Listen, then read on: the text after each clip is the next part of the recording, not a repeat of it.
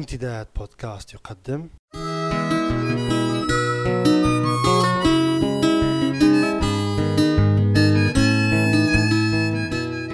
رسالة من لندن. مع جمعة بوكليب.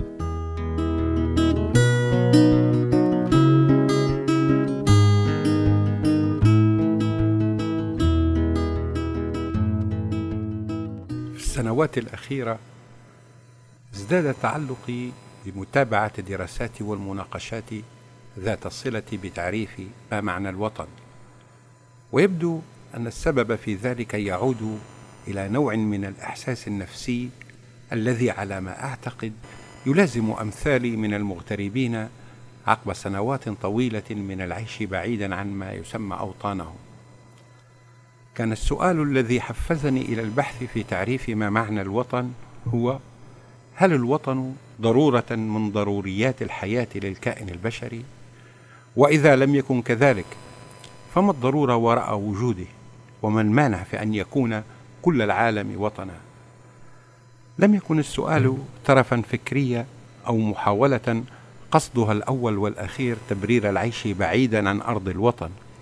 لذلك ارتأيت أن أبدأ رحلتي لمعرفة الإجابة بالبحث عن معنى الوطن. ولسوء طالعي فإن ما صادفني من تعريفات للوطن أثناء بحثي لم يجد قبولا لدي ومعظمها تؤكد على أنه أي الوطن البلد الذي يولد فيه الشخص ويترعرع بغض النظر عن البلد الذي يقيم فيه حاليا أو يحمل جنسيته. ولعل أطرفها التعريف الذي قدمته إحدى شركات التأمين والذي يؤكد على أن الوطن هو الذي يقيم فيه حامل بوليصة التأمين والجهة المقصودة التي يرحل إليها من أي مكان آخر.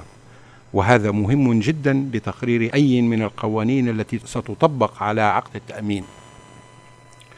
لذلك لم يكن أمامي سوى التفكير والتفكير في نحت تعريف جديد خاص للوطن يرضيني ويريحني ويجعلني أغلق هذا الباب إلى الأبد.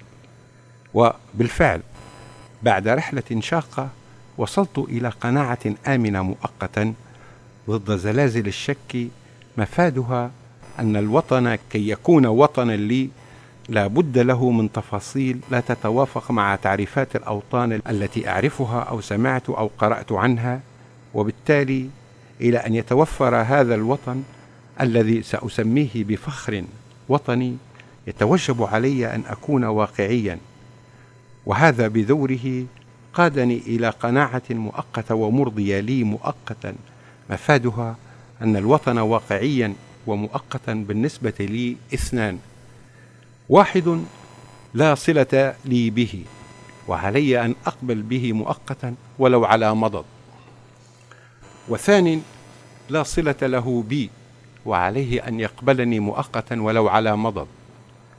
هذه صيغه ليست تلاعبا بالألفاظ كما قد يظن البعض لأنني بالوطن الذي لا صلة لي به اعني الوطن الذي وضع أساسات نموذجه الصاغ جمال عبد الناصر حسين لدى نجاحه في الوصول إلى السلطة في مصر عام 1952 وإحداثه لتحوير مقصود في تفاصيل المعادلة السياسية المتعارف عليها والتي تؤكد على أن التحرر من الاستعمار والديمقراطية يسيران معا يدا بيد وخطوة بخطوة وإن أي محاولة لقطع هذا التلازم التاريخي سوف تفضي إلى كارثة 5 يونيو 1967 وما أعقبها من تدهور وانحطاط على كافة المستويات أدي إلى تحول البلدان التي اقتدت بهذا النموذج إلى سجون كبيرة وإقطاعيات وعزب خاصة ومراتع مفتوحة للفساد والفاسدين. أما الوطن الذي لا صلة له بي فإنني أعني الوطن الذي تأسس أيضا كنتيجة لتحوير غير بسيط ومقصود أيضا في تفاصيل معادلة غير مأمونة العواقب ذات علاقة بما صار يعرف باسم الغربة في المنافي مقابل الغربة في الأوطان. الأمر الذي أدى إلى تحول الأوطان إلى مناف دائمة مؤقتا والمنافي إلى أوطان مؤقتة وربما دائمة. وفي الحقيقة فإنني حتى الآن لم أعرف أيا من الوطنين أختار وفي نفس الوقت لم أتلقى دعوة من أي منهما.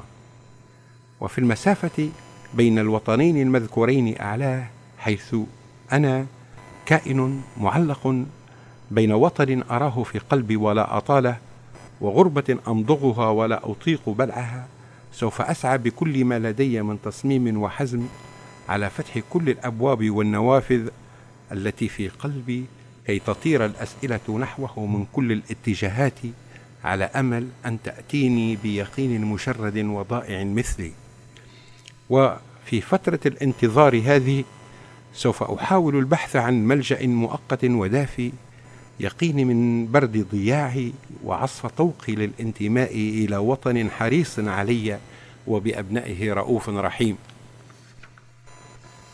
وإلى أن يحدث ذلك أبقيت كل خياراتي مفتوحة على كل الاحتمالات إلى أن تتاح لي يوما ما الفرصة وأحثر على وطن يتفق مع ما قاله الشاعر الألماني هولدرين ليس شيئا لي ما لا يمكن أن يكون كلا إلى الابد وحتى نلتقي مجددا. أتمنى لجميع المستمعين قضاء أوقات طيبة.